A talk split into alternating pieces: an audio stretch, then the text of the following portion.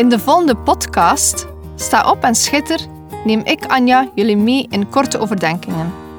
Als christenvrouw, moeder en echtgenote wil ik bemoedigen en aansporen om op te staan en te schitteren. We zijn niet gemaakt om in Gods koninkrijk stil te zitten en niets te doen, maar om op te staan en dienstbaar te zijn. In de eerste plaats tegenover God, daarna tegenover ons gezin, onze partner of onze geloofsgenoten. En als gevolg zullen we dan ook schitteren in de wereld. Neem je Bijbel bij de hand, want zonder Bijbel zijn we als een kok zonder eten of een zanger zonder stem. Dus luister naar, sta op en schitter.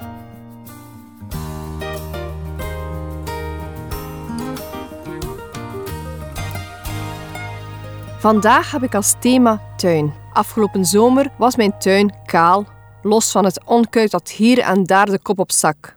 De vorige eigenaars hadden hier een moestuin gehouden. Ik stelde me voor hoe het oude koppeltje genoten heeft van de verse groentjes die ze iedere dag uit hun tuin haalden. Zelf koos ik een andere weg voor deze tuin. Beetje per beetje veranderde de braakliggende grond in iets moois. Er werden borders gezet, bloemen en struiken geplant. Ik plaatste ook een voederhuisje en waterschaal voor vogels, zodat ik ze kan aantrekken in mijn tuin. De grootste uitdaging was graszaaien. Voor ik dit kon doen, moest ik het onkruid wegkrijgen, en liefst zonder sproeimiddelen. Ik ging dagelijks onkruid wieden, maar tijdens dit werkje verwijder ik ook veel steentjes. Hoe meer ik harkte, hoe meer steentjes ik zag. Het werd ook een heel zwaar werk om alles vlak te krijgen. Harken en rollen tot het vlak genoeg was om te zaaien. Toen kwam het zaaien en afwachten. De eerste dagen kwam er regen. Ik dacht, ideaal. Tot ik zag hoe mijn tuin onder water kwam. De grond kon het niet tijdig opnemen en ik was bang dat het graszaad zou wegspoelen naar lager gelegen delen. Ik kon alleen toezien en bidden dat mijn gazon geen fiasco zou worden. Na de vele regen kwam de zon. Ik dacht, ideaal na al die regen. Maar toen werd het dagen na elkaar 30 graden. Je hoort me al komen. Te veel zon was nu ook weer niet goed.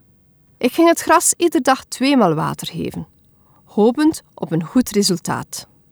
In 1 Korinthe 3, versen 6 en 7 staat er: Ik heb geplant, Apollos heeft behoten, maar God heeft laten groeien. Dus is dan nog hij die plant iets, nog hij die begiet, maar God die laat groeien. Zo is het ook. God heeft alles in controle: de zon, de regen en de groei. Hoewel we ook zelf planten en water geven, God laat het groeien.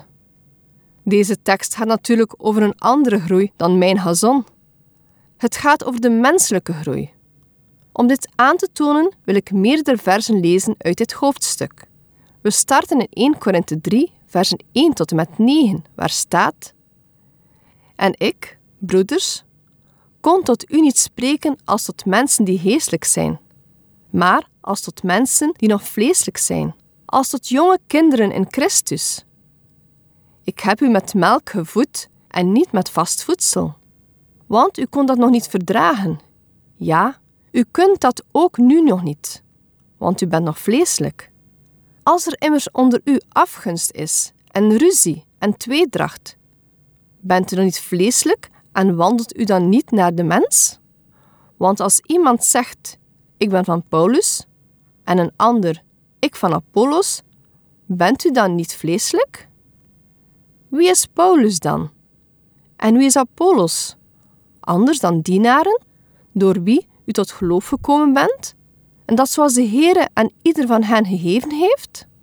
Ik heb geplant, Apollos heeft begoten, maar God heeft laten groeien. Dus is dan niet nog hij die plant iets, nog hij die begiet, maar God die laat groeien. En hij die plant en hij die begiet zijn één. Maar ieder zal zijn eigen loon ontvangen, overeenkomstig zijn eigen inspanningen. Want Gods medearbeiders zijn wij, Gods akker en Gods bouwwerk bent u. Paulus schreef deze brief aan de Corinthiërs, omdat daar het een en het ander aan het mislopen was. Het ging daar echt niet goed. Er was verdeeldheid gekomen. De Corinthiërs hadden hun aandacht op Apollos en Paulus gericht. Alsof Apollos of Paulus goddelijke figuren waren. Dat was de eerste misvatting die ze hadden. Ze hadden hun ogen gericht op mensen en niet op God. Dit had ook voor twee groepen gezorgd. De ene groep volgde Apollos en de andere groep volgde Paulus. Deze brief wil aantonen dat beide mannen dienaren van God waren. Ze deden beiden het werk dat God hun opdroeg en alle eer komt dan ook God toe. Ik heb geplant, Apollos heeft begoten, maar God heeft laten groeien. Met dit vers verplaatst Paulus de aandacht op hemzelf of Apollos naar God.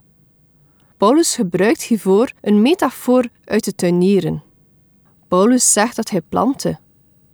Paulus was tenslotte de stichtende predikant van de kerk in Korinthe. Apollos bewaterde deze plant, want hij nam de rol van predikant op zich toen Paulus Korinthe verliet. Maar God heeft het laten groeien.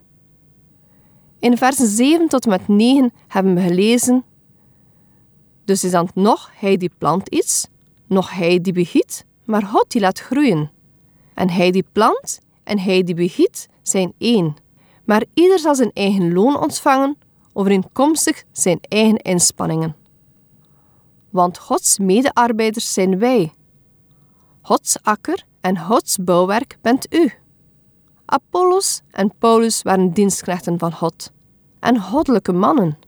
Hun werk was belangrijk en zij verdienden erkenning voor hun werk en trouw.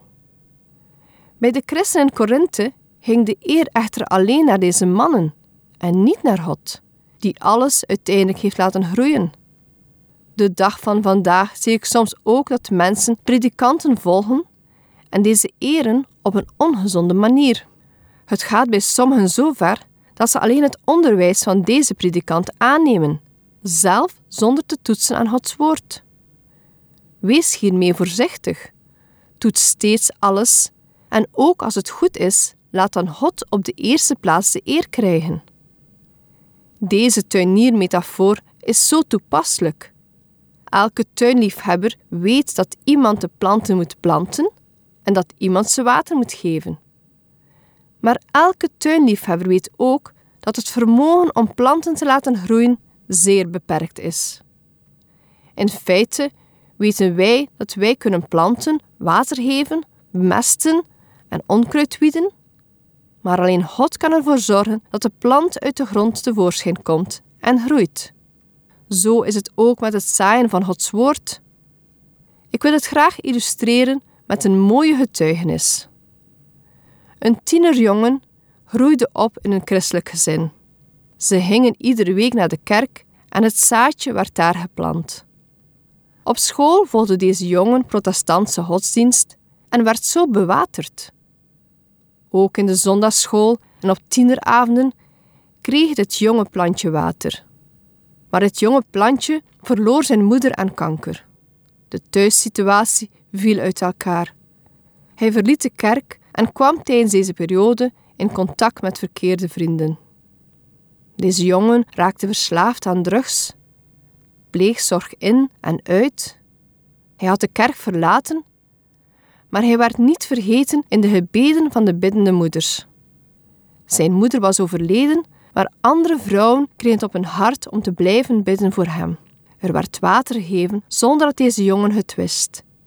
Jaar na jaar werd er voor hem gebeden. De biddende moeders verloren deze jongen volledig uit het oog, maar niet uit hun hart. Op een gegeven moment stond deze ondertussen jonge man geworden terug voor het kerkgebouw. Hij was zoekende, ergens hopende om het hoofdstuk te kunnen afsluiten van zijn moeder en een antwoord te krijgen op de waarom-vraag. Terug werd er water gegeven aan deze plant, maar hij kreeg geen antwoord op zijn waarom-vraag. En de jonge man verliet opnieuw de kerk. Het terugsleven kon hij niet achter zich laten. De biddende moeders gingen terug verder met water geven. Een jaar later hoorden we hoe hij zich bekeerde in een afkeerkliniek door een aalmoezenier. Hij sloot zich aan bij een kerk en hij is nu aan het groeien. Dit plantje had een moeilijke weg om te kunnen groeien. Er lagen redelijk wat stenen in de aarde, die de weg naar het licht wegnamen. Wij mogen de moed niet opgeven als het gaat over planten en water geven. Soms kan het jaren duren voordat je vrucht ziet, soms direct. Als ik nu naar mijn tuin kijk en de plantjes en het gras zie, dan ben ik dankbaar. En dit zal mij ook steeds herinneren aan de tekst in 1 Korinthe 3. Ik heb geplant, Apollos heeft behoten, maar God heeft laten groeien. Dus dan nog hij die plant iets, nog hij die begiet, maar God die laat groeien. Zo is het ook. God heeft alles in controle. De zon, regen en de groei. Hoeveel we ook zelf planten en water geven, God laat het groeien op zijn tijd. Geef de moed niet op om te investeren in iets dat jij of iemand anders geplant heeft. Soms heeft het plantje afstand nodig en moet je het water geven door gebed. Soms moet je ernaast staan en zo water geven. In het proces van geestelijk groeien is gebed een van de belangrijkste aspecten. Ik heb mensen in mijn leven wie ik weet dat het zaadje is geplant. En het is aan mij om te bewateren en aan God om te doen groeien. Denk deze week eens na over de geestelijke tuin in je omgeving. Wie kan er water gebruiken? Of misschien kun je wel eens een hulp zijn bij het weghalen van de stenen in hun leven. Sta op, plant, geef water en wacht op de vrucht en schitter. Deze podcast kun je steeds opnieuw beluisteren via de website en app van twr.be. Als je deze aflevering leuk vond en je wilt de podcast helpen ondersteunen, deel hem dan met anderen. Heb je gebed nodig of wil je reageren op deze uitzending? Zend dan gerust een mailtje naar anje.twr.be. Bedankt voor het luisteren.